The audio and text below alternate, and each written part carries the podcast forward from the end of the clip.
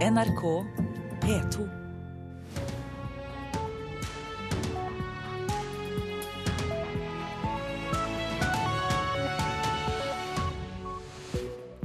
Her eh, ønsker Øystein Heggen deg velkommen til eh, Nyhetsmorgen. Vi får eh, mer også her om at tusenvis av barn går til psykiatrisk behandling. Norge mykner opp forholdet til Russland. Russisk viseutenriksminister til Norge i dag. Solcellefabrikk gjenåpnes på Herøya i Porsgrunn. Grønn industripolitikk forutsetter offentlig støtte til solcelleindustrien, sier Elkem-direktør. Og rikdom er ikke alltid like sjarmerende. Det vil komikere fra Stavanger fortelle oss om. Som vi hørte i Dagsnytt, 55 000 barn får behandling i psykiatrien. Det viser tall fra Helsedirektoratet. Dataspill, skilsmisser, mobbing og utseendepress er årsaker til at mange blir syke, mener barne- og ungdomspsykiatrien selv. 23 år gamle Jenny Kirkemo har vært i psykiatrien mesteparten av sin barndom. Når jeg går forbi skolen, eller kjører forbi skolen jeg har gått på, så kommer minnene tilbake. Jenny husker bare små glimt fra barneåra. Hvor jeg løp fra, for å løpe vekk fra dem, eller hvor jeg hadde mine sinte utblåsninger. Da. Som niåring fikk hun psykolog og havna i barne- og ungdomspsykiatrien. Det ble snart klart at mange år med mobbing hadde satt sine spor. Det var vel da jeg var tolv år. Og jeg følte at jeg hadde et ansvar for å egentlig gjøre alle mennesker glade. Og jeg klarte det ikke, og da fikk jeg liksom tenkt at jeg har ikke noe på denne jorden å gjøre. De neste åra forsøkte hun å ta livet sitt flere ganger. Når du ser at ting ikke er som det skal, da skal du ta kontakt med hjelpeapparatet sier Vigdis Aino Råd, nestleder i NBUP, landets barne- og ungdomspsykiatriske poliklinikker. 55 000 barn er i dag til utredning eller behandling i barne- og ungdomspsykiatrien.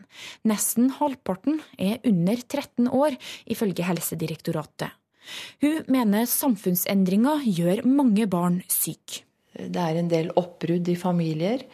Det er skilsmisser. Eh, det er viktig å være godt trent. Eh, det er viktig å være slank. Det er viktig å ha et eh, pent utseende. De sitter på internett. De trenger faktisk ikke å oppsøke virkeligheten der ute i det vanlige livet. På den måten så blir de isolert. For mange så kan dette føre til at de dropper ut av skolen. Og for noen sårbare så kan dette også føre til psykisk lidelse. De siste ni åra har det blitt 7000 flere barn i psykiatrien. De får diagnoser som depresjon, angst, utviklingsforstyrrelse og atferdsproblem. De fleste barna som har en psykisk lidelse, de får ikke hjelp. Sier psykologiprofessor Lars Wikstrøm. Barn og unge de, de kommer jo ikke selv. Eh, det er noen som må må oppdage at de har eh, psykiske vansker, og de må definere dette som psykiske vansker, og ikke bare som at man er eh, lat, at man er vanskelig eller eh, sliter på andre måter. Det var psykologene mine som redda meg. Jenny er i dag barne- og ungdomsarbeider. Hun håper å komme seg ut i jobb, men sliter fortsatt psykisk. Barn går kanskje mye med tanker, fordi de kanskje opplever ting. Enten i familie eller på skole eller Det er viktig at de får hjelp når eh, de trenger det, da. Sånn at de skal slippe å havne i psykiske vansker når de blir eldre. Reportere Ellen Omland og Marit Gjelland. Norge er i ferd med å myke opp det fastlåste forholdet til Russland. I dag kommer den russiske viseutenriksministeren Vladimir Titov til Oslo for å ha møter med statssekretær Tore Hattrem i Utenriksdepartementet. Det er russiske myndigheter som har tatt initiativet til det som defineres som bilaterale konsultasjoner i det norske utenriksdepartementet i dag.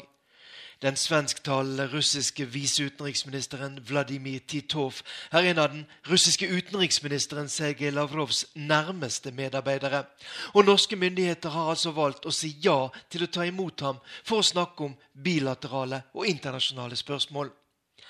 Selv om det har vært sporadisk diplomatisk kontakt mellom Norge og Russland det siste ett og et halve året, så har i praksis alle politiske kontakter vært lagt på is pga. den russiske innblandingen i Ukraina.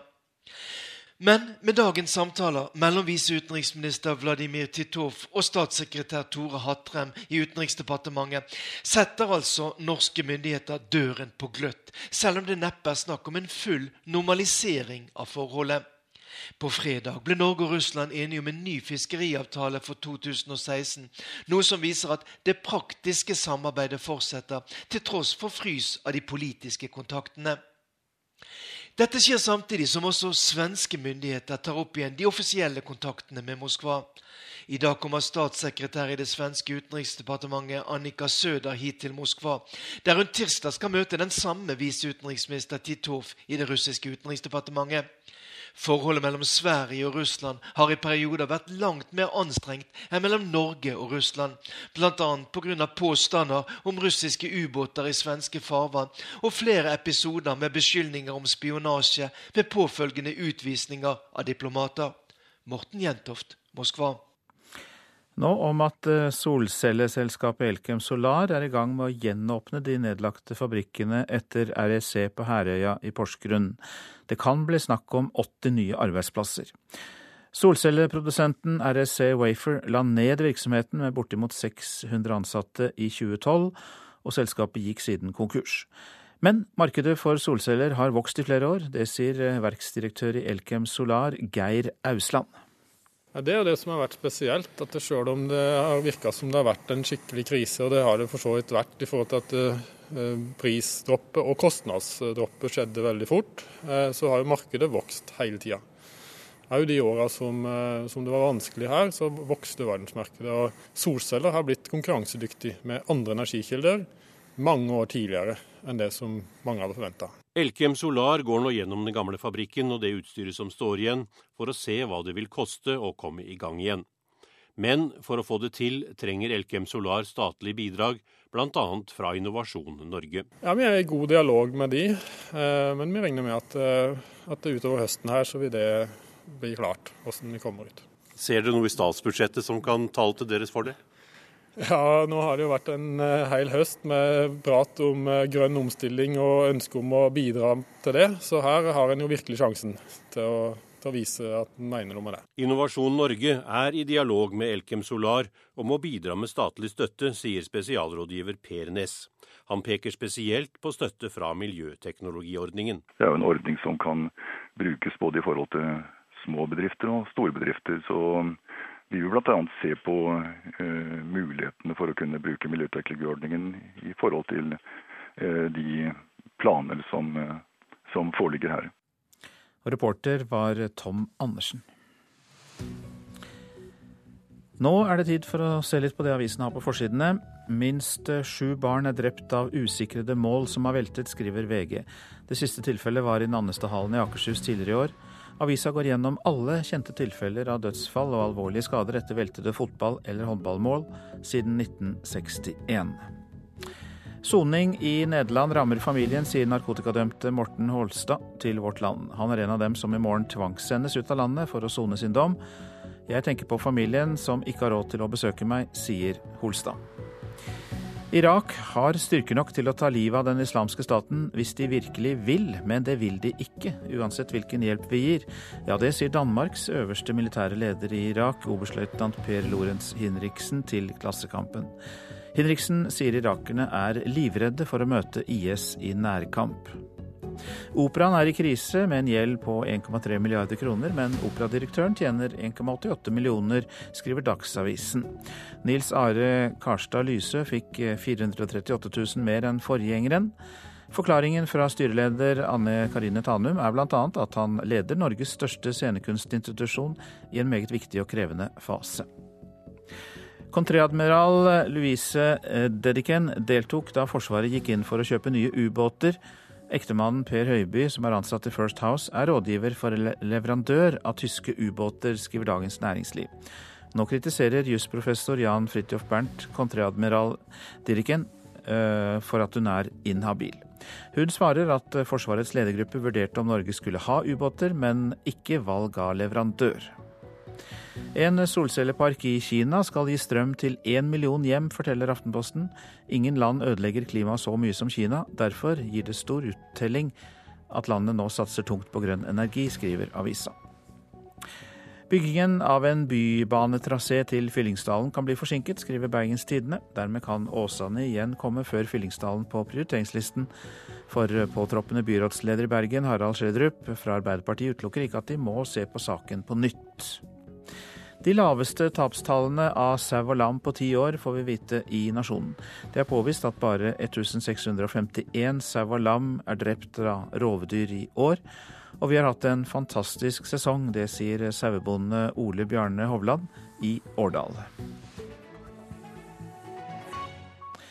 Finspillet må legges til side dersom Italia skal slås. Det mener flere norske fotballeksperter, og de får støtte fra landslagssjef Per-Mathias Høgmo. Nå vil hans spillere utnytte én italiensk svakhet for å ta seg til EM. Hvis vi tar de ti siste kampene våre, så, eh, så har vi holdt eh, nullen i, i seks av de.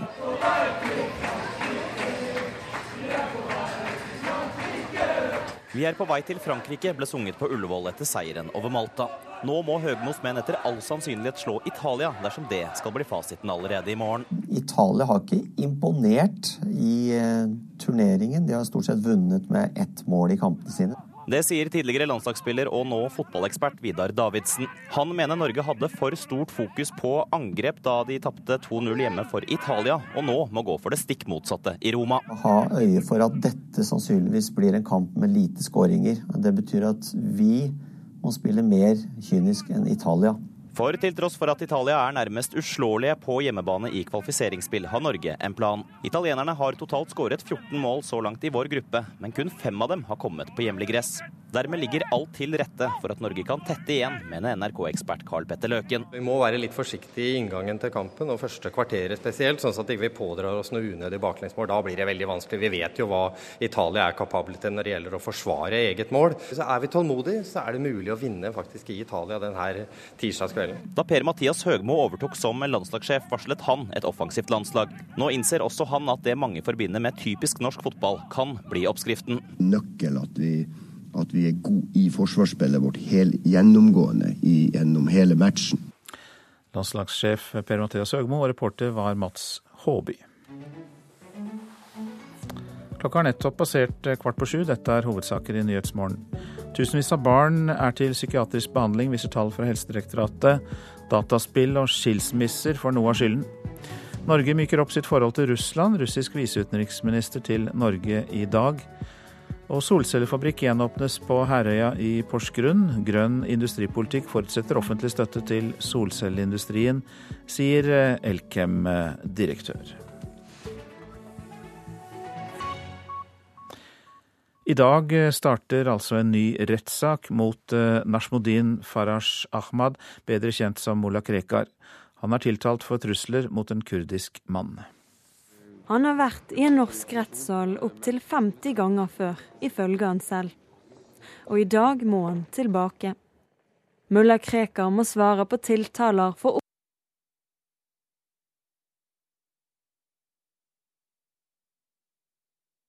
Han har vært i en norsk rettssal opptil 50 ganger før, ifølge han selv. Og i dag må han tilbake.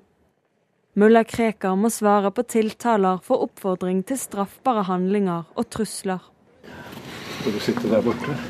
Bakgrunnen er NRKs intervju med Krekar i februar, hvor han bl.a. sier at nordmenn som tegner profeten Muhammed, fortjener å dø og at han vil gi en gave til den som dreper kurderen Halmat Goran.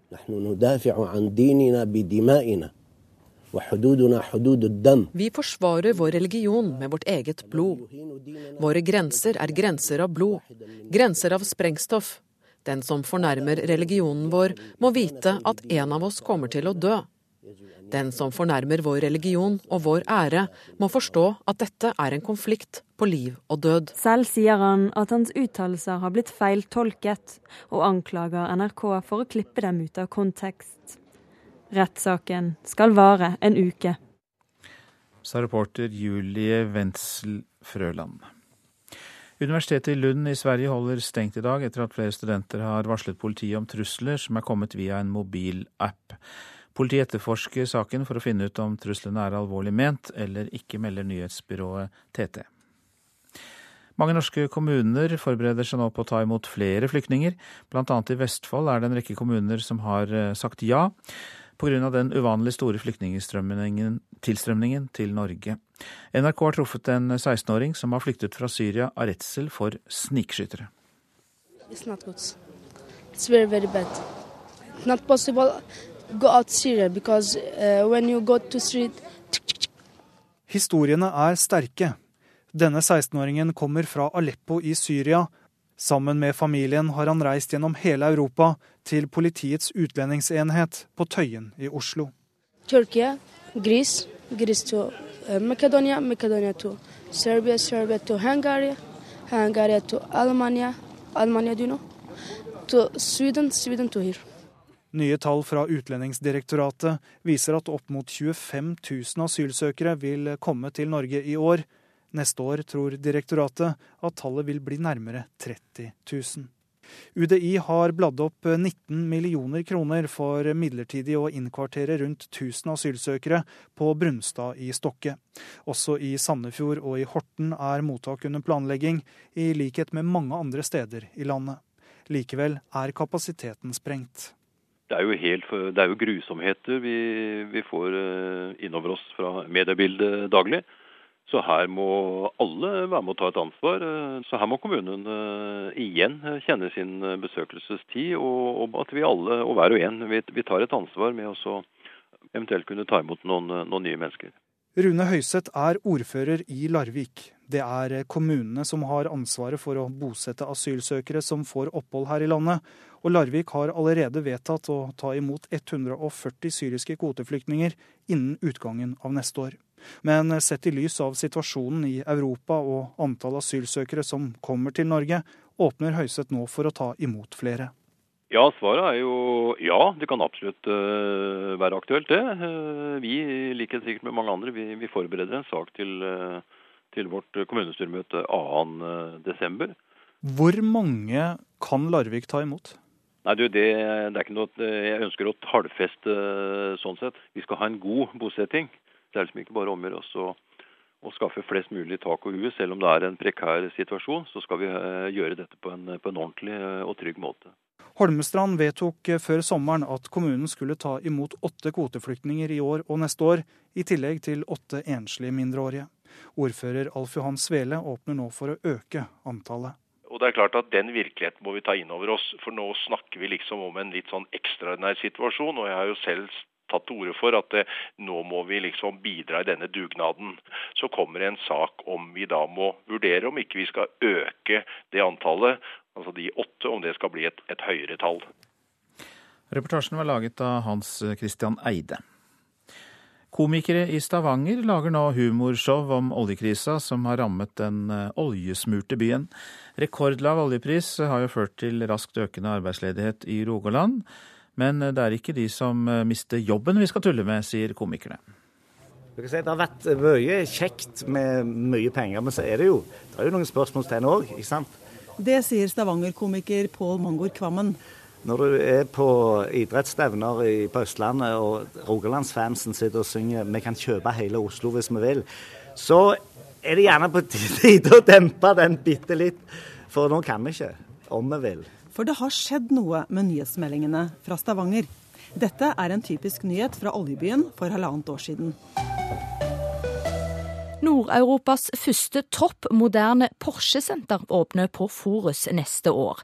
Salget av de eksklusive bilene øker stadig i Stavanger-området. Men nå ser nyhetsbildet helt annerledes ut. Ja, Vi skal først høre at arbeidsledigheten den øker raskest i Rogaland. Og på ett år eh, har det blitt 4000 flere arbeidsledige her i fylket, viser nye Kriseoverskrifter er godt nytt for underholdningsbransjen. Og nå lager Kvammen humorshow om oljenedturen sammen med Rune Bjerga. Vi skal prøve liksom å ta tar samfunnet litt på pulsen. Og det er jo veldig vanskelig å komme utenom det akkurat nå.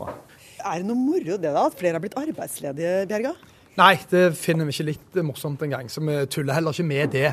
Vi skal jo få folk til å le. Vær så god. Ja, altså jeg jobba tidligere i Nordsjøen, og nå har dere i Nav hjulpet meg med å finne en ny jobb på land. Hva er problemet? Jo, jeg sliter litt med lønna. Nå har jeg 820 000. Oi sann. Ja, ikke sant? Jeg hadde jo 1,4 i Nordsjøen. I Humorhuset Stavangeren er prøvene i gang til showet 'Født på solsiden?' spørsmålstegn, som har premiere denne uka. Ja, så var det én ting Det, Det var dette med arbeidstida. Ja, ok. Ja, Hva var det med den? Ja, jeg jobber jo hver uke nå. Ja, men Det er normalt, det. Kødder du? Altså, jeg er vant til å jobbe to uker, og så ha fire uker fri. Ja, så én ting til. Aha. Jeg sliter altså så mye. Jeg måtte selge Porsche Cayenne. Komikerne Kvammen og Bjerga har ingen problemer med å finne humor i nedturen som nå rammer Stavanger og Vestlandet. Fallskjermer syns vi Ja. er litt løye ennå. Ja. Ja, det syns vi er litt løye. at det er fallskjermer Altså- Det er jo litt omstillingen jeg tror vi tuller litt med. Ok, Du går fra noe jækla bra til noe jækla bra. Jeg syns folk er ekstremt positive i forhold til hvordan det egentlig er nå. Men det er gjerne det som er lundet vårt. At eh, når silda forsvinner, så finner vi olje. Og når olja forsvinner, så reiser vi til Mars og borer der. I underholdningsbransjen er det en slags vedtatt sannhet at krisetider det er gode tider, både i forhold til stofftilfanget og publikumsoppslutningen. Det forteller instruktør for showet Torfinn Nag. Og det, det er jo Historisk er det jo òg sånn at eh, altså teater og, og dramatikk ofte har eh, blomstring når det er litt vanskelige eh, kår. Altså Det var en periode der det var veldig mye spennende østeuropeisk eh, dramatikk, f.eks. Og selv om det er økonomiske nedgangstider i Stavanger, så går billettsalget unna i byens kulturliv. Både teatret og Konserthuset melder om en bra høst. Og det er ikke rart, sier Pål Mangor Kvammen.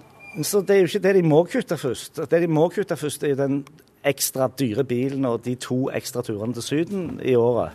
Og nå blir det altså show om oljekrisa i Stavanger i ukene framover. Viktig å le av oss sjøl og le av det som skjer. For det, det blir jo ikke bedre av å grave seg ned, det blir bare verre da.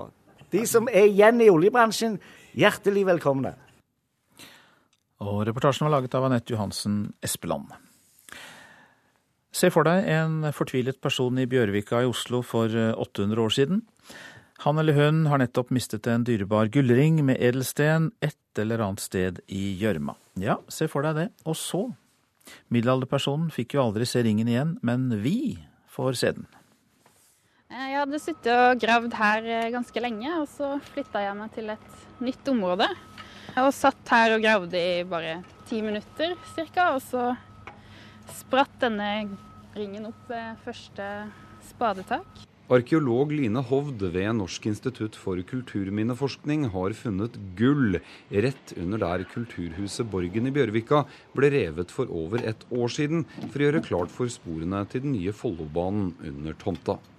Prosjektleder Egil Lindhardt Bauer er svært glad for å ha fått slippe til i gjørma i god tid før Jernbaneverket. Å finne en gullring fra middelalderen er ekstremt sjeldent. Jeg kjenner bare til et drøyt 100, altså drøyt 100 på landsbasis. Og eh, så vidt jeg kjenner til, så er dette ring nummer 20 fra middelalderens eh, Oslo. Dette er et område hvor det har gått mye dyr, ser det ut som. Det har nok vært eh, sølete og gjørmete og ja. Hvis de har mista ringen, så har den nok blitt borte ganske fort i gjørma. Fortvilelsen over å ha mistet en 23 karats gullring i gjørma må ha vært stor i seg selv på dronning Eufemias tid, men kan ha vært enda verre i denne sammenhengen, sier Bauer. Det kan være en, en forlovelsesring, for på, på undersiden så er det det som eh, vi kaller et dextrarum iunctio-motiv. Altså to hender som møtes til et eh, håndtrykk.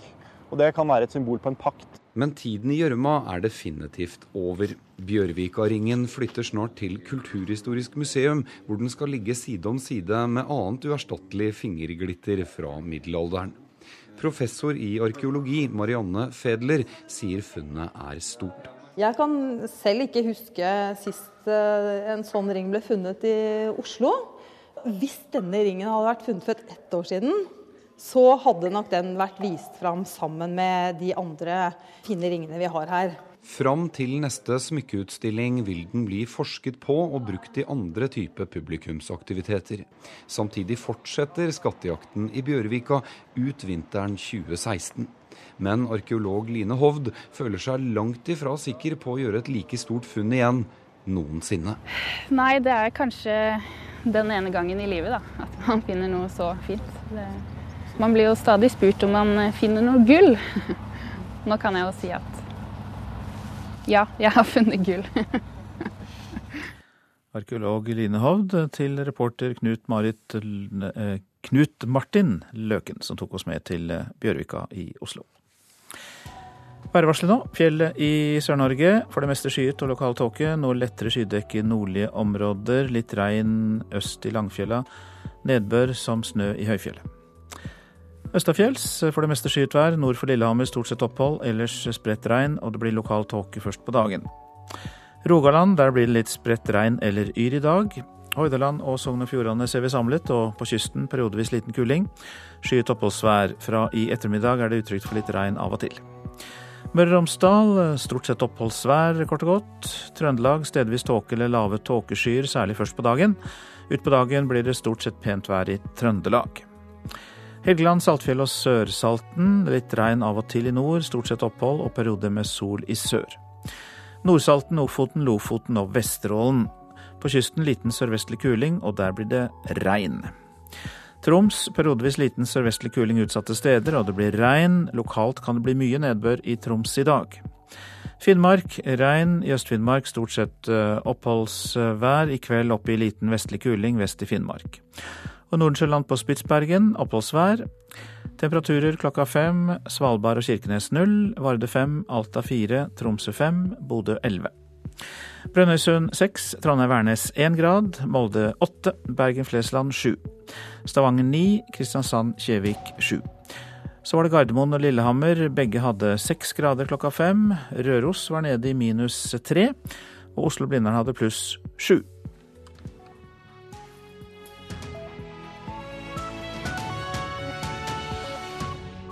NRK P2. Mediehus går inn i matbransjen. Avisbud har begynt å levere frokostpakker. Og en tredobling av trafikkontroller hadde lønnet seg økonomisk, mener forsker. Her er NRK Dagsnytt ved Turi Grunbekk klokken er sju. Avisbudene i Skipsted har nå begynt å levere mat, i tillegg til aviser. Mediekonsernet er i gang med frokostlevering, og de ser også muligheter for leverandører som ikke får innpass hos kjedene. Deleier i gårdsbutikken Dugur, Marianne Rød, sier avtalen med Skipsted gir nye muligheter for en liten leverandør. For oss har det vært eh, som en sånn markedsføringskanal for å nå nye kunder. Vi kommer ikke til å begynne å lage mat, eh, men vi leverer den gjerne sier Katrine Laksfoss, administrerende direktør i Skipsted distribusjon. Vi er gode på distribusjon og teknologi. Selv om frokost på døren kun leveres i Oslo og Akershus, ser hun store muligheter med 4000 avisbud. Det kommer definitivt til å komme en stor vekst på dagligvarelevering og matlevering. Ehm, så det er mange bransjer som kommer til å vokse, og netthandel er en megatrend. Reporteren var Line Tomter. Det hadde vært lønnsomt å ha tre ganger så mange trafikkontroller som i dag. Det sier prosjektleder i Transportøkonomisk institutt, Rune Elvik, som mener at det er altfor få kontroller slik det er nå. En tredobling vil gi en nytte som er større enn kostnadene, og det er eh, noe vi har eh, kommet til eh, flere ganger, faktisk. Distriktsleder Terje Oksnes i Utrykkingspolitiet kunne godt ha tenkt seg å få ressurser til en tredobling av trafikkontrollene. Med en eh, økning av bemanningen så ville vi sannsynligvis tatt eh, like mange, altså relativt like mange med, med nye patruljer. Og eh, at dette hadde fått betydning for trafikksikkerheten, er jeg ikke i tvil om. Reporter Kjell Arvid Stølen. Alle flyavganger fra Værnes er forsinket. Flyplassen har vært stengt siden i går kveld. Årsaken er fare for tåke og dårlig sikt. Det forteller lufthavndirektør Lasse Bardal. Tåka har jo letta, men eh, vi har dårlig med fly og mannskap. Sånn at eh, det blir nok buss på mange på formiddagen i dag. Vi regner med å begynne å komme i gang med flyving stund etter åtte når de første flyene kommer inn, men det er jo altfor mange passasjerer i forhold til det finnes eh, kapasitet. Det å få av sted passasjerer fra klokka seks nå med busser mot Oslo og Kristiansund, også Vestlandet. Og Det er for å ta av trøkken når flyene kommer, at, vi, at den har plass til folk. Da. I Sverige holder universitetet i Lund stengt i dag. Flere studenter har varslet politiet om anonyme trusler som er fremstilt via en mobilapp, og politiet etterforsker nå saken for å finne ut om trusselen er alvorlig ment eller ikke. Og det var siste nytt. Nyhetsmorgen fortsetter med disse sakene. Prisene på mat og klær vokser raskere enn lønningene her i Norge nå. Levestandarden går nok litt ned, tror økonom. Og hva sier en dagligvareekspert om at vi kanskje får frokostpakker på døra levert av avisbudet, som vi hørte om i Dagsnytt nå? To dager etter terrorbomben som drepte nærmere 100 mennesker i Ankara, får vi de siste informasjonene om hvem som kan være de skyldige, fra vår korrespondent i den tyrkiske hovedstaden. Og vi skal høre at elever på Hønefoss skal eh, få en gladere dag av å spise gratis havregrøt. Nå stiger prisene på mat og klær raskere enn lønningene. Fagøkonomer advarer altså om at nordmenn må venne seg til at kjøpefesten er over og levestandarden i Norge kan bli lavere. Også folk på matinnkjøp i Lillehammer har merket at de får mindre for pengene nå. Du får mindre og mindre for den posen som koster 500 kroner. Så jeg blir stadig overraska over eh, hvor mye dyrt det er. Også. Jeg gjør det. Prisene stiger. Når man skal betale i kassa, så blir det dyrt. Frukten syns jeg har økt veldig i pris den siste tida. Og nye tall fra SSB viser at lillehamringene har rett. Prisene, såkalt kjerneinflasjon, har økt med 3,1% det siste året. Klær har blitt 3,4% dyrere. Maten koster over 4% mer. Bare hittil i år har prisen på frukt steget med 15 Samtidig ventes lønnsveksten å havne på godt under 3% i år. Eh, varer og tjenester med mye import har en høy prisvekst. Og Det henger jo sammen med svekkelsen av, av kronen. Så Svekkelsen av kronen den bidrar til å svekke kjøpekraften vår. Sier Kyrre Omdal, seniorøkonom i DNB Markets. Ekspertene tror like fullt at vi så vidt får mer å rutte med i år. Neste år ser det verre ut. Ja, Neste år så kan det ligge an til null i reallønnsvekst. Og det er veldig lenge siden vi har hatt. Sier Steinar Juel, sjeføkonom i Nordea Markets. Omdal i DNB supplerer. Så vi tror lønnsveksten kommer til å bli enda litt lavere neste år, og prisveksten kanskje litt høyere. og Det betyr at reallønnsveksten blir eh, lav, og vi må tilbake til tiden eh, rundt eh, bankkrisen på 1990-tallet for å finne like lav reallønnsvekst. Det blir selvfølgelig avhengig av hva partene i arbeidslivet blir enige om til våren. Om de aksepterer at lønningene reelt sett vil stå stille, og for mange går litt ned.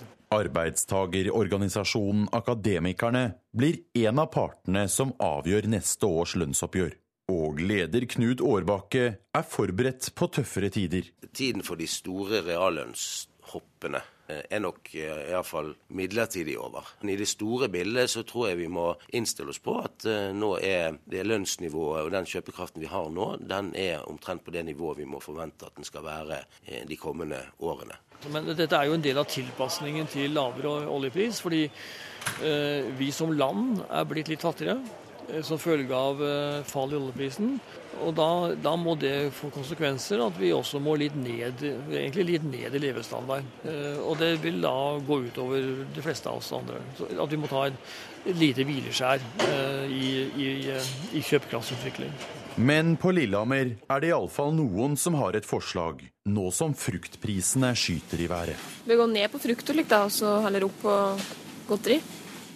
Ja, Fruktprisen er altså av, eh, frukt er altså av de varegruppene som stiger mest, som vi hørte. Og reporter var eh, Sindre Heirdal. Avisbudene i Skipsted har begynt å levere mat i tillegg til aviser. Mediekonsernet er altså i gang med frokostlevering og ser store muligheter for nye nettjenester i matmarkedet. Og det gir også muligheter for leverandører som ikke får innpass hos kjedene. Klokken sju kommer tekstmeldingen om at avisbudet har levert frokosten. På ytterdøren henger en frokostpakke bestilt på nett kvelden før, med varer fra Dugger, en av leverandørene som har inngått samarbeidsavtale med morgenlevering.no, eid av Skipsted og Amedia. Vi kjører det til Skipsted, ja. da. Med ost og smør og syltetøy, yoghurt. Marianne Rød i Dugger, som holder til ved Markagrensa i Bærum, lager frokostpakker. Avtalen med Skipsted gir nye muligheter for en liten leverandør. For oss har det vært eh, som en sånn markedsføringskanal for å nå nye kunder. Eh, vi kommer ikke til å begynne å lage mat, eh, men vi leverer den gjerne. Sier Katrine Laksfoss, administrerende direktør i Skipsted distribusjon. Vi er gode på distribusjon og teknologi. Selv om frokost på døren kun leveres i Oslo og Akershus, ser hun store muligheter med 4000 avisbud. Det kommer definitivt til å komme en stor vekst på dagligvarelevering og matlevering. Ehm, så det er mange bransjer som kommer til å vokse, og netthandel er en megatrend.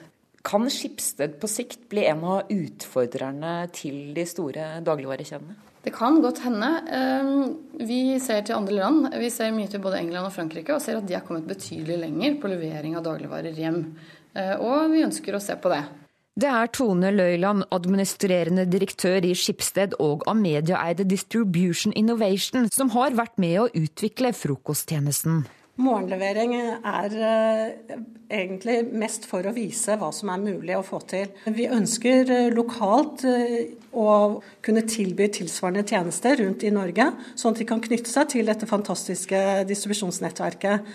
Hva slags type leverandører er dere først og fremst ønsker å knytte til dere? For oss er det viktig at vi ikke stenger noen ute. Vi ønsker ikke å, å sende brød fra Oslo til Trondheim. Så, men at du heller har da lokale aktører som utnytter denne muligheten. For de etablerte dagligvarekjedene kan aktører som Skipsted skape en utfordring, sier kreativ leder i analyseselskapet Opinion, Ole Petter Nyhaug. Først og fremst så er det jo dagligvarekjedene som selvfølgelig fortsatt satser på å få folk inn til de fysiske butikkene sine. De blir jo trua på kort sikt hvis det lykkes. Reportere her Line Tomter og Anne Cecilie Remen. Erik Fagerlid, hjertelig velkommen hit. Takk. Du er dagligvareekspert og partner i PA Consulting. Og ja, mat på døra om morgenen. Hvorfor har ikke dagligvarebransjen grepet den muligheten tidligere? Jeg tror det var som vi hørte i slutten fra, fra Nyhaug her, at har du butikk, så det, har du naturgitt forutsetning for å få folk inn i butikken. Du liker å ha forbruker der. Det gir forbrukernærhet, og ikke minst så gir det også en viss grad av mersalg. Men i motsetning til en god del andre land vi jobber i, så er det nok en større treghet blant dagligvarekjedene i Norge enn det er i andre land, som også tar dette med netthandel litt mer aktivt. Tror du da at det vi hørte her, og også andre som er inne på dette med å levere på døra, kan føre til at dagligvarebransjens makt rokkes ved? Ja, så Makt er jo et interessant begrep. Hvis, hvis, makt dreier seg om å bestemme hva du og jeg skal ha tilgang til, så blir jo svaret ja. For det. En fysisk butikk har ikke plass til flere enn så og så mange artikler, og skal noe inn, så må noe annet ut. Uh, og det er riktig også som ble sagt i innslaget her, at for, for, for nisjeleverandører så blir dette nye muligheter å nå ut til oss uh, forbrukere enn gjennom dagens uh, etablerte kjeder og butikker. Men hvordan tror du da dagligvarebransjen vil kunne møte dette her, altså for å få folk til likevel å komme i butikken? Jeg tror dagligvarekjedene kommer til å jobbe med det, som jeg kan si litt om. Men jeg tror også de kommer til å være ganske aktive i forhold til å etablere kanaler på, sånn, via, via, nettet. Det er det vi ser ute. Og de har en fantastisk de har grossistfunksjon. De er veldig flinke å flytte varer. De har et sterke merkevarer overfor deg og meg. Og de har jo en forbrukeroppførsel som er etablert opp gjennom, opp gjennom årene. Men det de kan gjøre, er selvfølgelig også gjøre butikkopplevelsen enda mer interessant og spennende. De jobber f.eks. veldig, veldig godt med lojalitet. De bruker for mye penger i dag på å få deg til å velge den riktige butikken hver dag. Uh, mens uh, det finnes kortsystemer og lojalitetssystemer og også rabatteringssystemer som de jobber ganske aktivt med. Så de kommer til å stå på hardt for å få oss til fortsatt å, fortsatt å gå i butikk. Mat levert på døra har vel egentlig vært dyrere enn å kjøpe i butikken fram til nå. Vil det fortsette slik, tror du? Alt vi ser av internasjonale eksempler, tyder på det motsatte. Men det er klart at for alle som skal starte med et lite volum, så koster det relativt sett mye mer å, å, frakte noen få varer ut i et stort geografisk område enn å ha alt samlet i en, en butikk. Mm. Men når vi har med, med norske aktører for ut til England for å se på eksemplene der borte, så, så, blir man møtt med litt med spørsmålstegn i England, for der er det beviselig billigere. Og Grunnen til det er at det koster ganske mye å drive butikk. Butikken Norge har en bruttomargin, som det heter, et påslag på fordi det er personalkostnader og energikostnader og husleiekostnader som blir borte i forbindelse med, med overgang til netthandel. Så dette skal på sikt bli billigere. Jeg hørte for noen minutter siden at det ser ut til at matprisene stiger mer enn lønningene. Frukt til og med 15 ja, Kan det utlignes litt da, ved at det kanskje etter hvert blir billigere å få maten på døra? Ja, jeg tror det utlignes på sikt. Altså Dette volumet over andre kanaler, av nettet som eksempel, er jo fortsatt uh, lite. Uh, men i England så har man godt passert 5 og skal opp mot 10 uh, Og når vi kommer opp til 5% i Norge, så tror jeg det blir utlignet. Så skal vi huske på det at vi fortsatt betaler ganske lite for maten som, som, andel av bruttoinntekten i en husholdning, sammenlignet med andre land. Mange takk skal du ha, Erik Fagerlid, dagligvareekspert og partner i PA Consulting. Du lytter til Nyhetsmorgen. Klokka den passerte nettopp 7.13, og dette er hovedsaker. Ja, prisene på mat og klær vokser altså raskere enn lønningene, og vi må regne med å gå litt ned i levestandard, sier sjeføkonom. Mediehuset Skipsted ser store muligheter i matvarebransjen. Skipsteds avisbud har allerede begynt å levere frokostpakker. Alle avganger fra Værnes er forsinket. Flyplassen har vært stengt siden i går kveld. Årsaken til forsinkelsen er fare for tåke og dårlig sikt, forteller lufthavndirektør ved Trondheim lufthavn, Lasse Bardal. Ifølge Tyrkias eh, statsminister Ahmed Davetolo var det to mannlige selvmordsbombere som gjennomførte angrepet mot en demonstrasjon i Ankara lørdag. 97 mennesker ble drept i eksplosjonen.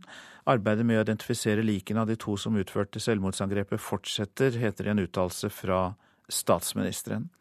Korrespondent Kristin Solberg, du er i Ankara. og Er det nå klart om den islamske staten IS på noen måte har vært involvert i angrepet? Nei, det er foreløpig ikke klart. Det er etterretningskilder i regjeringen som sier at de mistenker IS, og at sporene peker dit. De eh, peker på at dette er et lignende angrep som det i Soruch i sommer, ved grensen eh, til Syria.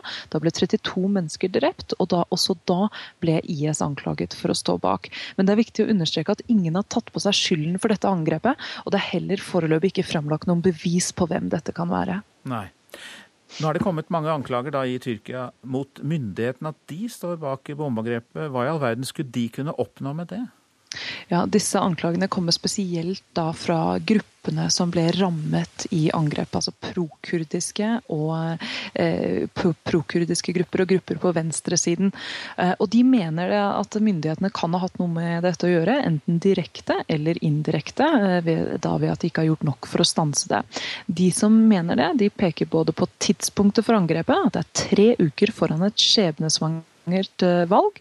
Og også eh, peker de på den det rammet. En av gruppene som ble rammet, var det politiske partiet HDP, som er Erdogans hovedmotstander i valget.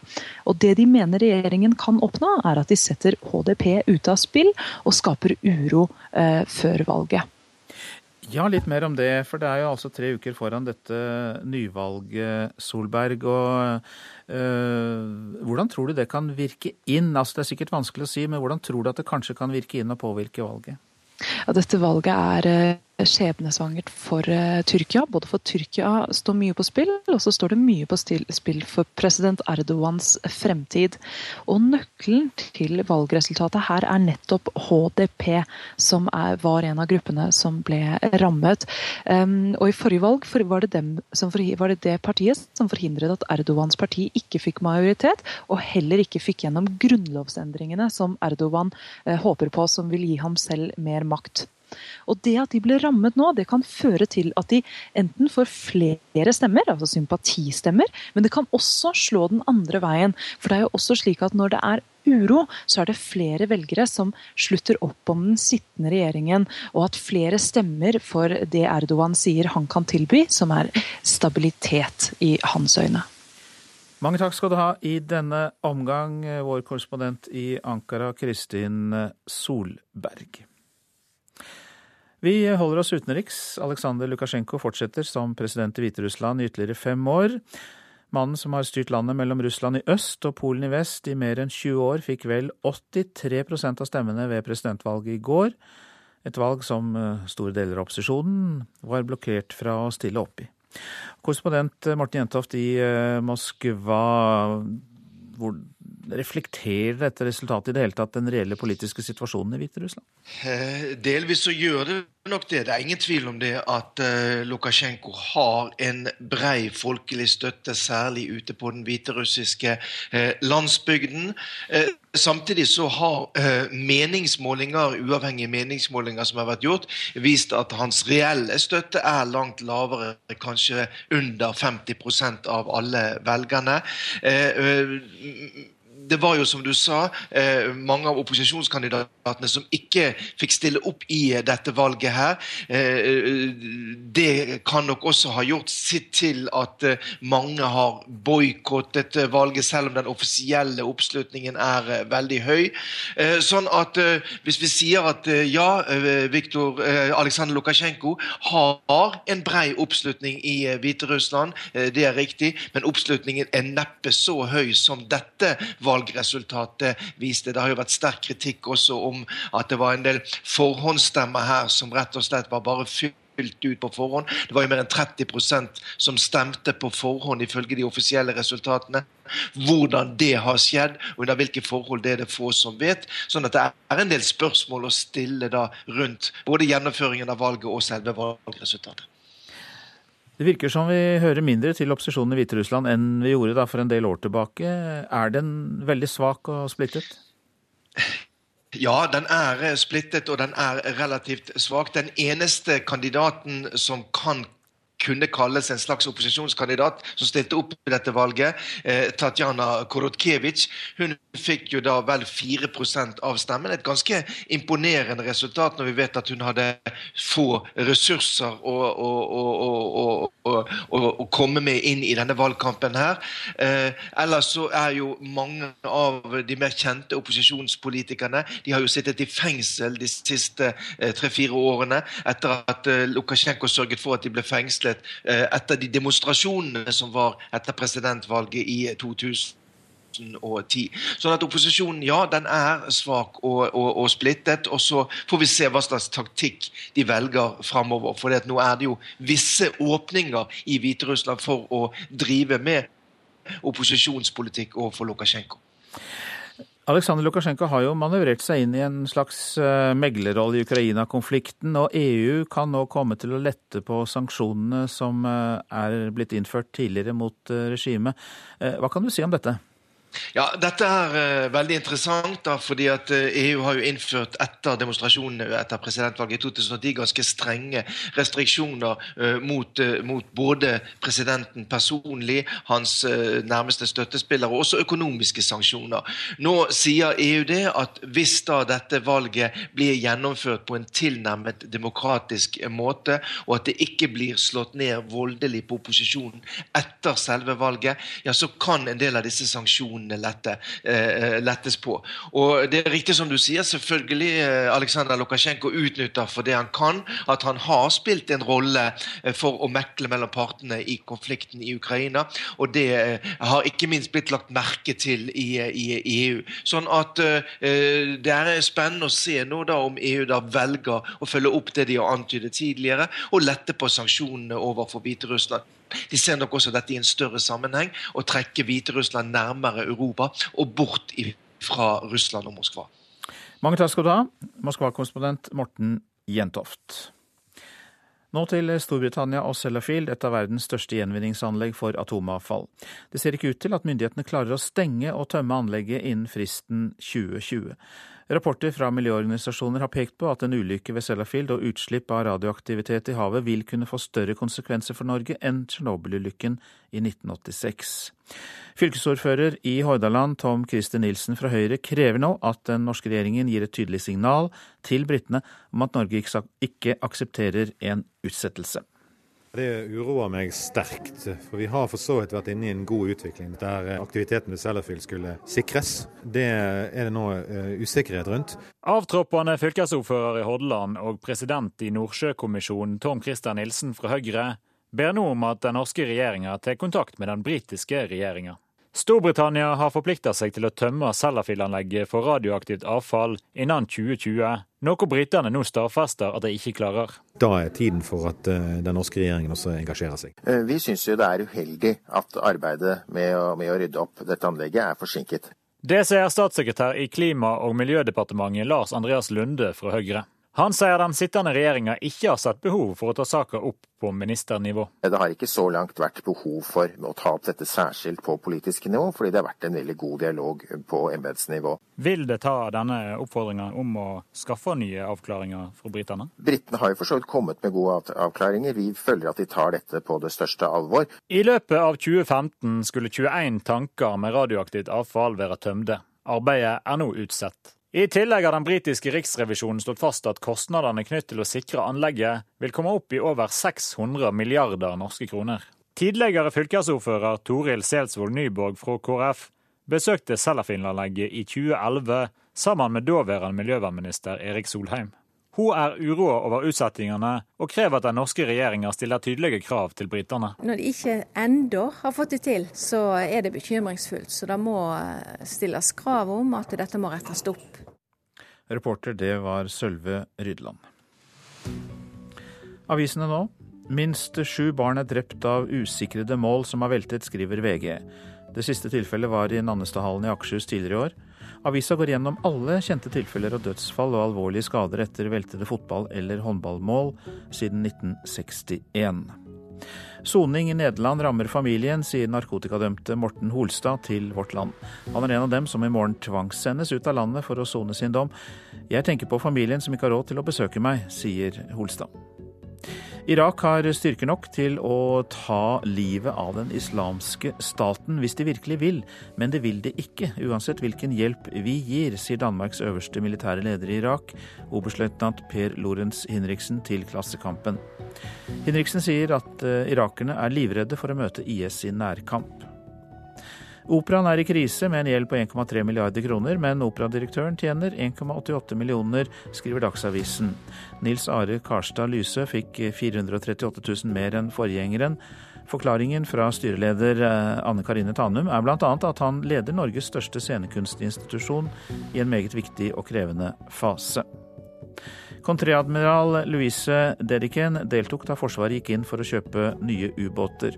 Ektemannen Per Høiby, som er ansatt i First House, er rådgiver for en leverandør av tyske ubåter, skriver Dagens Næringsliv. Nå kritiserer jusprofessor Jan Fridtjof Bernt kontreadmiral eh, Dedichen for inhabilitet.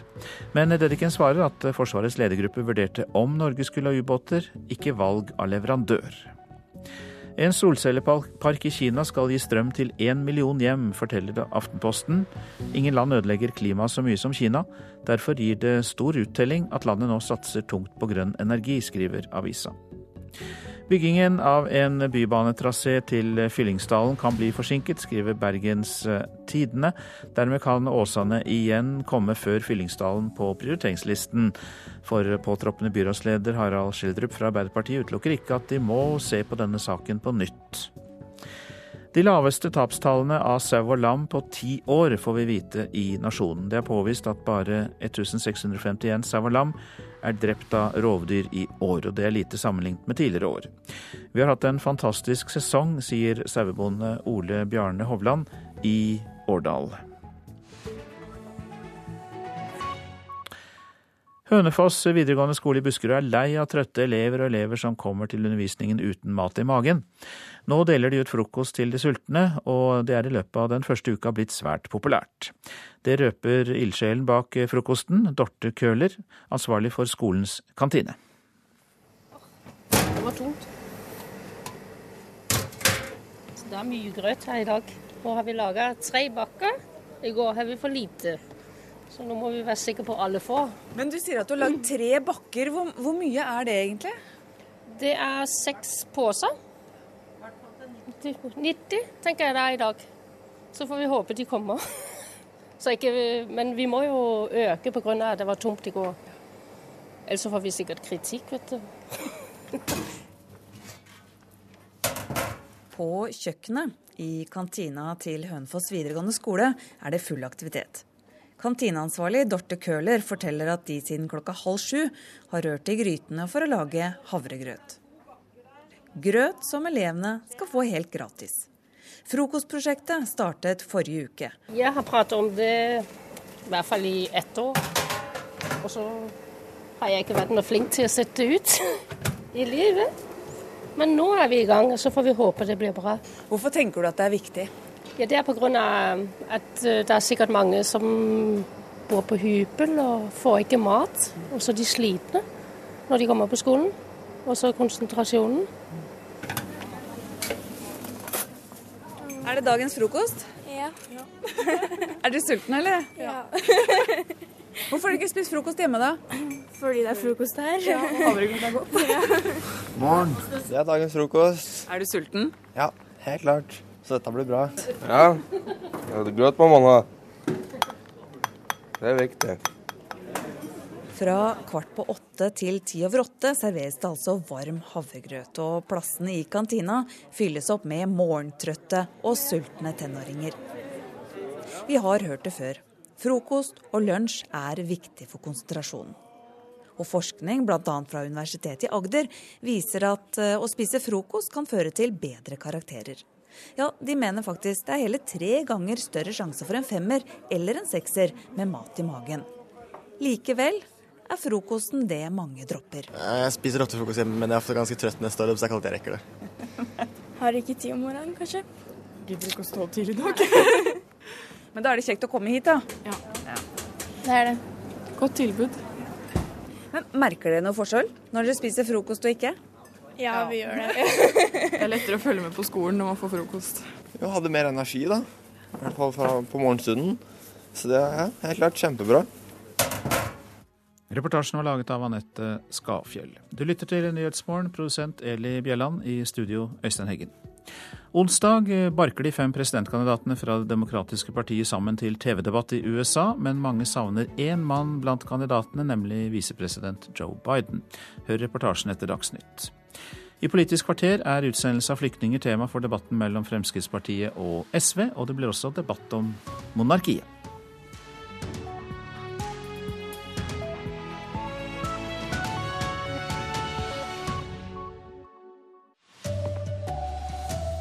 Matprisene stiger raskere enn lønningene. Nordmenn må ned i levestandard, advarer økonom. Mediehus går inn i matbransjen. Avisbud har begynt å levere frokostpakker. Tusenvis av barn er i psykiatrisk behandling. Dataspill og skilsmisser får skylden. Her er NRK Dagsnytt ved Turi Grønbekk klokken er 7.30. Prisen på mat og klær stiger nå raskere enn lønningene. Kjøpefesten er over i Norge, det mener fagøkonomer, som advarer om at levestandarden kan bli lavere. På Lillehammer har folk merket at de nå får mindre for pengene. Så jeg blir stadig overraska over eh, hvor mye dyrt det er. Også. Jeg gjør det. Prishandelen stiger. Når man skal betale i kassa, så blir det dyrt. Frukten syns jeg har økt veldig i pris den siste tida. Og nye tall fra SSB viser at lillehamringene har rett. Prisene, såkalt kjerneinflasjon, har økt med 3,1% det siste året. Maten koster over 4% mer. Bare hittil i år har prisen på frukt steget med 15 Samtidig ventes lønnsveksten å havne på godt under 3% i år. Varer og tjenester med mye import har en høy prisvekst. og Det henger jo sammen med svekkelsen av kronen. Så Svekkelsen av kronen den bidrar til å svekke kjøpekraften vår. Sier Kyrre Omdal, seniorøkonom i DNB Markets. Ekspertene tror like fullt at vi så vidt får mer å rutte med i år. Neste år ser det verre ut. Ja, Neste år så kan det ligge an til null i reallønnsvekst. Det er veldig lenge siden vi har hatt. Sier Steinar Juel, sjeføkonom i Nordea Markets. Arbeidstagerorganisasjonen Akademikerne blir en av partene som avgjør neste års lønnsoppgjør. Og leder Knut Årbakke er forberedt på tøffere tider. I det store bildet så tror jeg vi må innstille oss på at uh, nå er det lønnsnivået og den kjøpekraften vi har nå, den er omtrent på det nivået vi må forvente at den skal være uh, de kommende årene.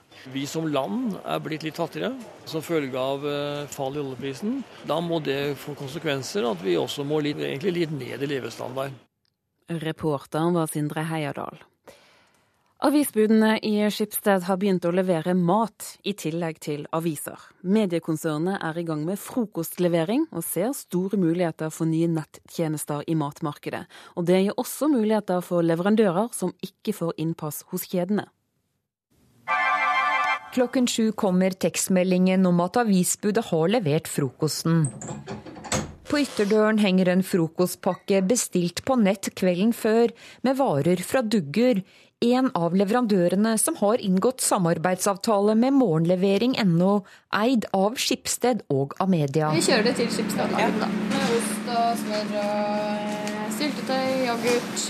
Marianne Rød i Dugger, som holder til ved Markagrensa i Bærum, lager frokostpakker.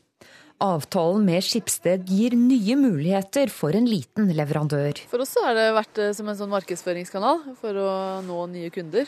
Eh, vi kommer ikke til å begynne å lage mat, men vi leverer den gjerne. Sier Katrine Laksfoss, administrerende direktør i Skipsted distribusjon. Altså, vi er gode på distribusjon og teknologi. Selv om frokost på døren kun leveres i Oslo og Akershus, ser hun store muligheter med 4000 avisbud. Det kommer definitivt til å komme en stor vekst på dagligvarelevering og matlevering. Ehm, så det er mange bransjer som kommer til å vokse, og netthandel er en megatrend. Kan Skipsted på sikt bli en av utfordrerne til de store dagligvarekjedene? Det kan godt hende. Ehm, vi ser til andre land. Vi ser mye til både England og Frankrike og ser at de har kommet betydelig lenger på levering av dagligvarer hjem. Eh, og vi ønsker å se på det. Reportere her var Line Tomster og Anne Cecilie Remen. Og på sikt kan konkurransen om matlevering på nett gjøre det billigere å få maten kjørt hjem enn å kjøpe den i butikk. Det tror dagligvareekspert og partner i PA Consulting, Erik Fagerli. Det er klart at For alle som skal starte med et lite volum, så koster det relativt sett mye mer å, å, frakte noen få varer ut i et stort geografisk område enn å ha alt samlet i en, eh, en butikk. Mm. Eh, men når vi har med, med norske aktører for ut til England for å se på eksemplene der borte, så, så, blir man møtt med litt eh, med spørsmålstegn i England, for der er det beviselig billigere.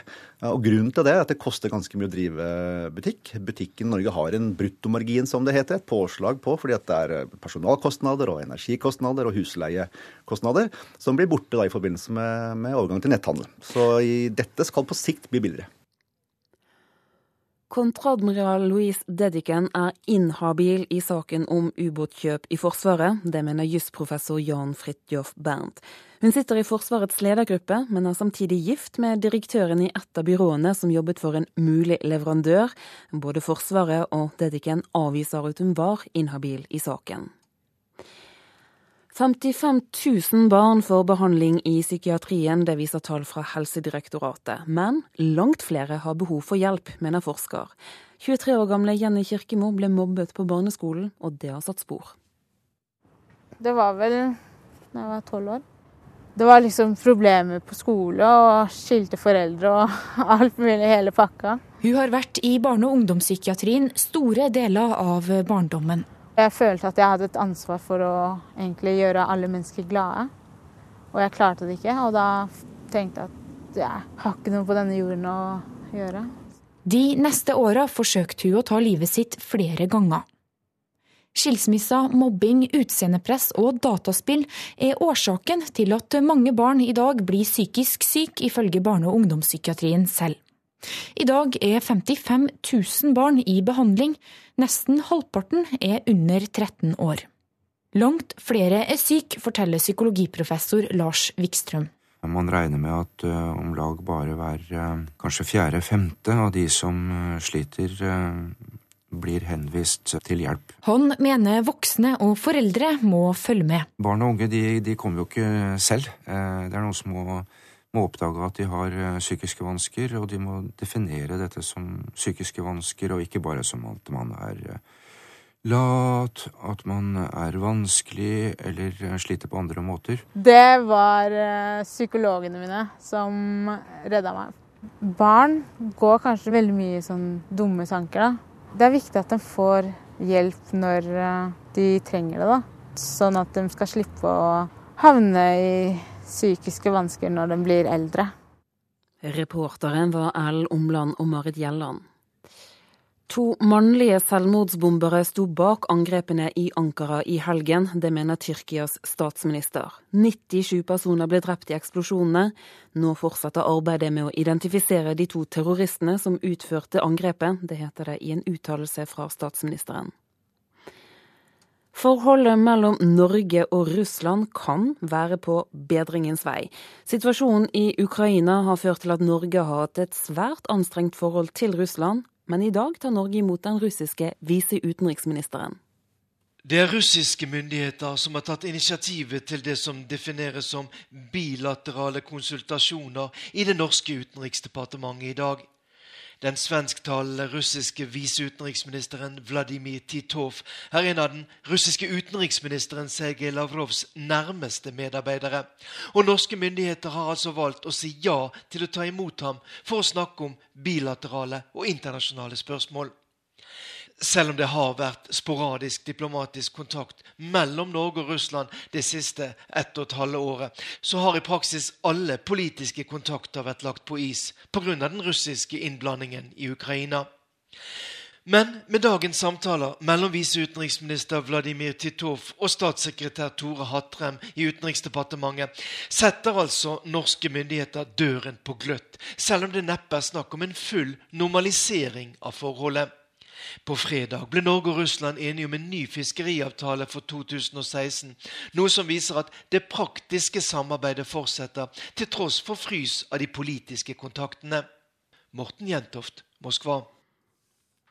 Alle flyavganger fra Værnes er forsinket. Flyplassen har vært stengt siden i går kveld. Årsaken er fare for tåke og dårlig sikt. Det forteller lufthavndirektør Lasse Bardal.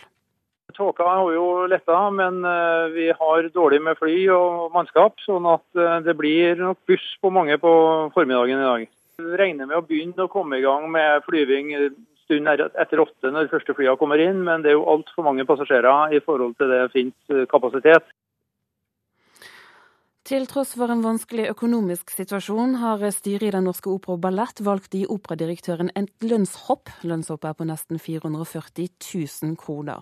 Samtidig sliter økonom, eh, operaen med milliardunderskudd. Neste år må operaen gjøre drastiske kutt, det skriver Dagsavisen. Men operasjefen sier at det er pga. den økonomiske situasjonen at det må kuttes ytterligere til neste år. Ansvarlig for denne sendingen fra Dagsnytt det var eh, Erlend Rønneberg. Teknisk ansvarlig Hanne Lunas. Her i studio Turi Grønbøk.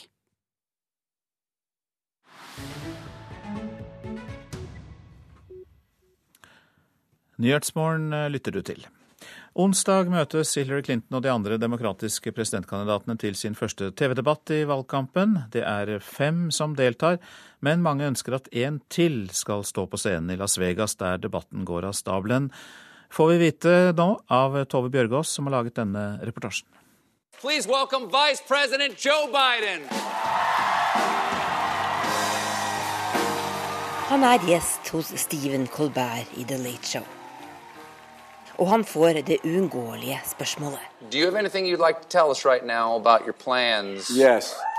Vil visepresident Joe Biden gjøre det likevel?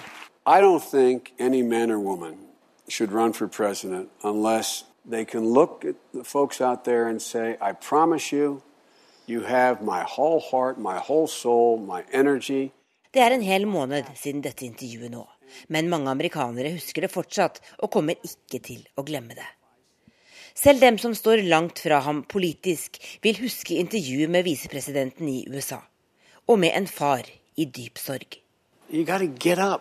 Think of all the people you know who are going through horrible things, and they get up every morning and they put one foot in front of the other. Vi spoler tida tilbake til sommeren 2012. And yes, and yes, we have miles to go before we sleep. På scenen i landsmøtehallen i Nord-Carolina står Joe Bidens sønn. Beau Biden er generaladvokat i hjemstaten Delaware og spås en lysende politisk framtid. Faren klarer ikke å holde tårene tilbake. Years,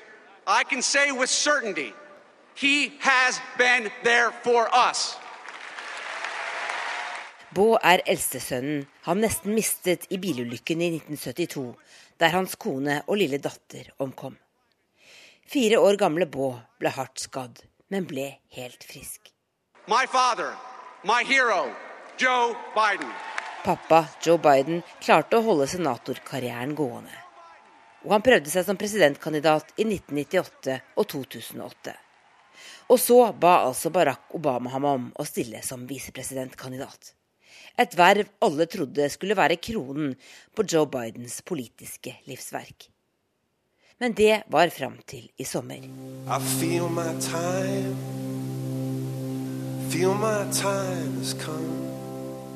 30. mai døde Bob Biden av kreft, 46 år gammel. Den hjerteskjærende begravelsen ble sendt direkte på TV her. President Obama klarte heller ikke å holde tårene tilbake. What a good man. What an original. May God bless his memory and the lives of all he touched. Like før han døde, ba Bob Biden faren om å tenke tanken likevel. USA trenger deg, og ikke nok en Clinton, skal Bob Biden ha sagt til sin far. Nå ligger Joe Biden godt an på meningsmålingene, selv om han ikke engang er presidentkandidat. Men han har fortsatt ikke sagt at han utelukker å stille opp. Mange demokrater liker ikke Hillary Clinton. De roper på Joe Biden. Han kan melde seg på onsdag morgen og fortsatt rekke å være med i debatten, mener fansen. Men Biden er fortsatt i tenkeboksen og er fortsatt en sørgende far. Sympatien overfor Biden kan fort bli snudd til noe annet dersom han velger å delta i freakshowet 2016-valgkampen allerede er blitt. Noen kommentatorer advarer USAs visepresident mot nettopp det, mens andre trygler han om å redde det demokratiske partiet. Hovedsaker i Nyhetsmorgen. Prisene på mat og klær vokser raskere enn lønningene. Vi må regne med å gå litt ned i levestandard, sier sjeføkonom. Tusenvis av barn er til psykiatrisk behandling her i landet, viser tall fra Helsedirektoratet. Dataspill og skilsmisser får mye av skylden. Mediehuset Skipsted ser store muligheter i matvarebransjen. Noen av Skipsteds avisbud har allerede begynt å levere frokostpakker på døra sammen med avisen. I dag starter en ny rettssak mot eh, Nashmudin Farash Ahmad, også kjent som mulla Krekar. Han er tiltalt for trusler mot en kurdisk mann. Nå er det Politisk kvarter, og det er i dag ved Cecilie Roang Bostad.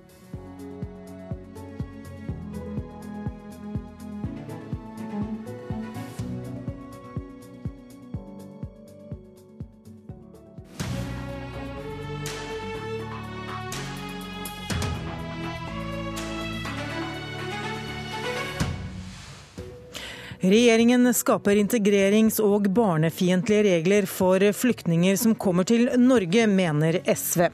Og monarkiet er et speil av oss alle, hevder spaltist Knut Olav Åmås. Han mener det finnes minst fire prinsipielle grunner til å beholde kongehuset.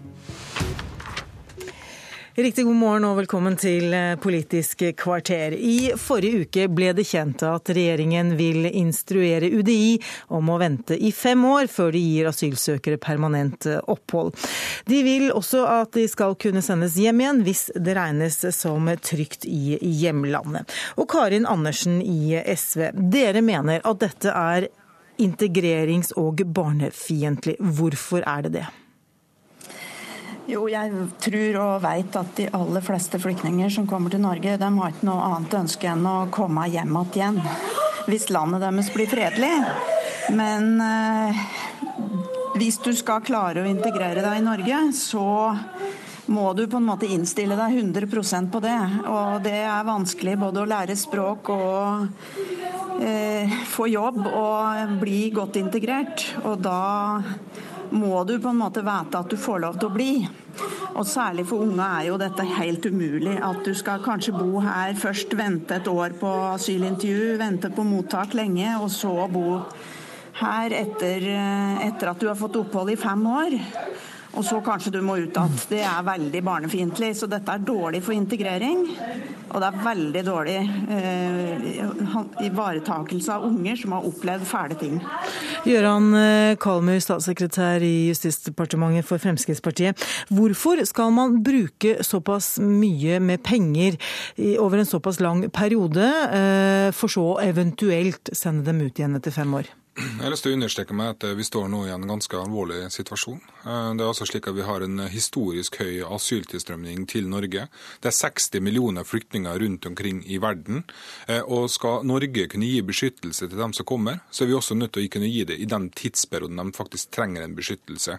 Eh, så alle som kommer til Norge og trenger beskyttelse, får det, så lenge de trenger det. Men hvorfor Men, er det så viktig å øke den perioden fra tre til fem år før man eventuelt kan sende dem ut? Det er, det er fordi at vi mener at man må ha en sterkere tilknytning til Norge for at man skal kunne se at man skal få lov til å vare varig. Og Derfor så mente vi det, det riktige er fem år. Og så har jeg lyst til å si det i forhold til integrering. Det er altså en forpliktelse for en person som får opphold i Norge, som det norske samfunnet bruker flere hundre tusen kroner på hvert eneste år, til yrkesopplæring, utdannelse og norskkurs, at de faktisk gjør en innsats sjøl også. De har en plikt til å forsøke å integrere seg så godt de kan. Og så er det altså slik at hvis det blir fred i hjemlandet, så trenger også Syria nå fremover, hvis man tar Syria som et eksempel, man trenger altså ressurser til å bygge opp det landet. Og jeg ser ikke på som noe ille at Norge da har bidratt til at vi sender utdanna personer personer tilbake til Syria. Fordi at Er det noe Syria virkelig trenger nå fremover, så er det personer som kanskje har levd i demokrati i flere år og ser hvordan man skal leve sammen i fred og harmoni, og også har kunnskap til å være med å bygge opp landet. Karin Andersen, eh, plikten eh, Kalmyr eh, henviser til her, er vel så absolutt til stede? Ja da, det er den. men det jeg blir, må si jeg blir litt oppgitt over, er det at man tillegger alle andre mennesker så utrolig mye dårlige hensikter. For det første så vil jo folk, hvis de kan, reise hjem igjen. Det andre er dette er folk som har opplevd forferdelig vanskelige ting. Og de skal altså nå prøve å konsentrere seg 100% om å integrere seg i Norge, om å lære seg norsk. Om å klare å liksom komme over de vanskelighetene de har opplevd, og starte et nytt liv. Altså virkelig snu arka i livet sitt. Og så skal de da liksom leve med den usikkerheten over seg i fem år, om de kanskje får bli eller ikke. Og jeg er altså helt 100% sikker på at flertallet av dem er akkurat like opptatt av landet sitt, mye mer opptatt av landet sitt enn det Kallemyr er. Sånn at de som da ser en mulighet til å reise hjem, gjør det. Men hvis vi skal få folk til virkelig å ville integrere seg i Norge, og gjøre den store innsatsen her som Kalmyr ellers snakker om, så blir dette galt. Altså Tre år er for lang tid. Det har vært en sovende paragraf til nå. Uh, og det å forlenge dette til fem år blir spesielt galt i forhold til unga. For det er fem år i en unges liv, og det er jo lengre også. Du har vært på flukt. Det har tatt lang tid å søke. Du har blitt eh, norsk. De fleste unger blir jo det etter fem år. Og da å skulle si at dette er en tvang og ikke en mulighet, det mener vi er barnefiendtlig. De fleste av disse vil jo kunne da få bli i Norge på humanitære grunner. Og derfor bør vi hvis... overlate til voksne mennesker sjøl da om de vil ta den avgjørelsen eller ikke. Og vi må satse 100% på integrering her i landet. Det er det viktigste nå. Jeg er uenig med Karin Andersen i at eh, de fleste får bli på humanitære grunner. Eh, eh, men mange barnefamilier har nok mulighet etter fem år til å få bli på humanitære grunner. Det er riktig. Men så har jeg lyst til å understreke det, at det er viktig at vi nå har en midlertidig eh, oppholdstillatelse i bunn. Eh, fordi at det er så mange konflikter rundt omkring i verden. Det er så mange millioner flyktninger som er på flukt. At eh, vi klarer altså ikke, verken i Europa eller Norge, å kunne gi opphold til alle sammen på permanent grunnlag. Vi er nødt til, i den verdenssituasjonen vi har i dag, å kunne gi beskyttelse til de flyktningene som faktisk er, altså befinner seg i en flyktningsituasjon. Og hvis den situasjonen går over før det er gått fem år, så må de tilbake igjen til hjemlandet. Fordi at en ting er at nå tar vi imot bare for, La meg få fullføre. La meg få fullføre. Nå tar vi imot veldig mange fra Syria, men det kommer også mange fra Irak. Hvis det skjer noe i Afghanistan, så er det 30 millioner innbyggere der nå også. Eh, og eh, Nå har landegrensene og, og verdenssamfunnet blitt så tett knytta sammen at det er så enkelt å komme til Europa i forhold til tidligere. Man vet om så mye via sosiale medier at vi er nødt til å ha midlertidig oppholdstillatelse i begynnelsen. Eh, for hvis ikke så vil vi ta imot mange flere flyktninger enn det vi har mulighet til å kunne håndtere. Nå, nå, må jeg få lov å komme inn her. fordi ja, Poenget er hvordan skal vi sikre at de som kommer hit, og hvorav de fleste nå kommer til å få bli, også etter denne regelen, blir best mulig integrert? Hvorfor skal vi bruke masse penger på introduksjonsprogram og lang, masse prosesser på folk som Kalmyr mener skal risikere å bli sendt ut igjen? Det er helt meningsløs eh, integrering. Vi må satse slik at de fleste av de som kommer hit og får bli, klarer seg bra i samfunnet. Da blir ikke dette den belastningen som, eh, som Kalmyr tegner opp. Det er det vi er nødt til å tenke på nå. Hvordan skal de klare livet sitt best her, og særlig for disse unga. Ikke skap ny usikkerhet for unger ja, for som har opplevd nok vanskelig i livet. Det Må vel være en usikkerhet Kalmyr, i å vite at du også etter fem år kan bli sendt ut?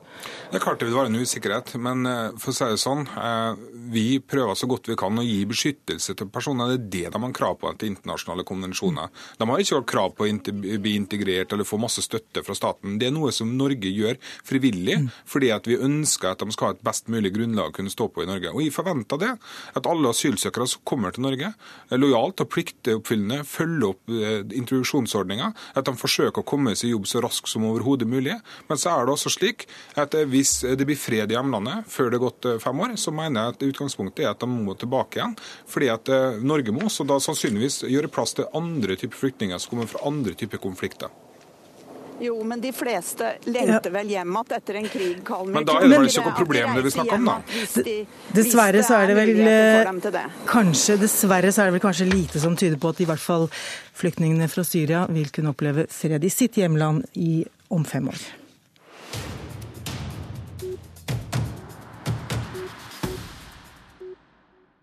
Vi skal til en hjemlig diskusjon. For et moderne samfunn i endring trenger lange linjer og tradisjoner, hevder spaltist Knut Olav Åmås i gårsdagens Aftenposten, der han argumenterer for å beholde monarkiet og det norske kongehuset. Og Knut Olav Åmås, vi har med oss deg her i Politisk kvarter. Du sier du har gått fra å være republikaner republikaner via situasjonsbestemt monarkist til å bli en prinsipiell monarkist. Hva legger du i det? I det legger jeg at uh, det finnes uh, grunner ved selve den institusjonen som monarkiet er. Som, uh, som, et samfunn som det norske trenger. Det er samlende og representerende. Og det har en type symbolsk makt og betydning utenfor det politiske som Eh, som vi trenger også i et hypermoderne samfunn. Men hvis man skal argumentere for et demokrati og for et folkestyre, hvordan kan man da samtidig argumentere for et monarki? Altså I et moderne samfunn er det, er det mye som ikke er 100% moderne. Eh, et samfunn slik det eksisterer i dag i 2015 er resultat av en eh, lang utvikling og eh, Det norske monarkiet er jo det eneste folkevalgte monarkiet i verden i dag. Riktignok er det tilbake til 1905, men eh, det er under en slags demokratisk kontroll. Hvert fjerde år tar Stortinget stilling til eh, forslag fra partiet SV om å utrede republikk. og Det blir nedstemt med, med stort flertall. og Meningsmålinger viser også at monarkiet i Norge, slik det er i dag, har svært stor oppslutning. Ja. Det finnes, en, det, finnes, det, finnes, en, demokratisk eh, forankring her eh, på en eller annen måte. Vi har også med oss Martine Aurdal, eh, republikaner og debattansvarlig i Dagbladet. Velkommen. Takk. Åmås argumenterer i Aftenposten da med fire prinsipielle argumenter. Du er ikke enig? Nei, jeg er jo ikke enig, men jeg sliter også med å se det, eh, den prinsipielle argumentasjonen. Og jeg syns vel at Knut Olav Åmås en kommentar først og fremst viser hvor vanskelig det er å argumentere prinsipielt for at vi skal ha et arvelig eh, embete som statsoverhode. Eh, du har fire argumenter som du kaller prinsipielle oss. Eh, og Det første er at det fungerer, og det eh, kan man jo si at det er, det er riktig det på veldig mange vis, men det er jo ikke spesielt prinsipielt. Altså, man kan til og med si at det er mye som fungerte bedre under Gaddafi enn i borgerkrigen i Libya nå, men det er ingen som vil finne på å si at det er et prinsipielt standpunkt for verken borgerkrig eller diktatur. Og du sier at det er en tradisjon at uten slike vil samfunnet bli sterilt, teknokratisk og og ulevelig. Og det er selvfølgelig sånn at noen tradisjoner er verdt å ta vare på, men det er jo ikke sånn at en islandsk presidentmodell f.eks. ville gjøre det norske samfunnet ulevelig eller uverdig. Og modernisering handler jo nettopp om å skrote de tradisjonene som vi mener ikke er verdt å ta vare på, eh, og, velge hvilke vi bringer videre. Så kongehuset for din del er ikke verdt å ta vare på? Nei, for meg er, for å hoppe forbi mm. uh, arv, da, som er det tredje uh, argumentet, til det som jeg mener er der hvor Åmås virkelig tar feil, eh, er hans fjerde argument med at republikk ikke er mer eh, demokratisk. Og det er det jo, rett og slett. Eh, vi har på de aller fleste områder i samfunnet jobbet politisk for en utjevning og for at arvelige privilegier ikke skal være førende. Og så har vi da den arkaiske tradisjonen at selve statsoverhodet er arvelig. Demokrati handler om folkestyre, og den folkeavstemningen som var ja eller nei til kong Carl for 110 år siden, er ikke en reell eh, folkelig forankring for monarki som styreform. Ja, Åmås, du får, møter kritikk her på disse fire argumentene dine om, om prinsipielt eh, argumenter for eh, monarkiet. Hva sier du til dem? Ja, altså Kommentaren min har skapt eh, stor debatt, og jeg håper statsformdebatten vil fortsette også på en eh, reflektert mm. måte. Men er, Kan du si at arv er en, en, et prinsipielt argument for at man skal beholde noe? Ja, altså Arv er en eh, viktig og bærende institusjon i det norske samfunnet. Og, og, og det element av arv, arv som finnes i, dem, i, monarkiet, er under tilstrekkelig demokratisk kontroll. Vi har et innskrenket konstitusjonelt monarki i Norge. Men for all del, det er jo mulig å tenke seg en ny folkeavstemning. Men det er bare det at eh, både opinionen og eh, avstemningene i Stortinget hvert fjerde år gir ikke akkurat Martine Aurdal og republikanerne sånn veldig eh, vind i seilene. Mm. Det er snakk om ganske lave tall. Altså Stortinget avviser å utrede republikk hvert fjerde år. Og Stortinget er våre folkevalgte. Ja, Aurdal, du har vel ikke opinionen med deg? Nei, jeg tror, eller også alle meningsmålinger over veldig lang tid viser at det er flertall for monarki i befolkningen. Eh, og spørsmålet er jo da hva er alternativet? Eh, jeg er enig i at det er en god idé eh, med en ny folkeavstemning. Og så er spørsmålet om folkeavstemningen da hva den skal handle om. Eh, og man eh, har jo ulike presidentmodeller også dersom man skulle gå for en republikk. Og det er ingenting i veien for at Norge skulle kunne gå for en eh, modell der presidenten også har en mer symbolsk makt på samme måten som kongen, og kan gjenvelges mange ganger, slik som f.eks. da på Island. Jeg mener jo det vil være virkelig moderne av kronprinsen å gå inn for en slik eh, votering selv. Ja. Åmås, eh, debatten den fortsetter helt sikkert om styringsformen. Takk for at dere begge to kunne være med Politisk kvarter i dag. I studio satt Cecilie Roang Bostad. Hør flere podkaster på nrk.no podkast.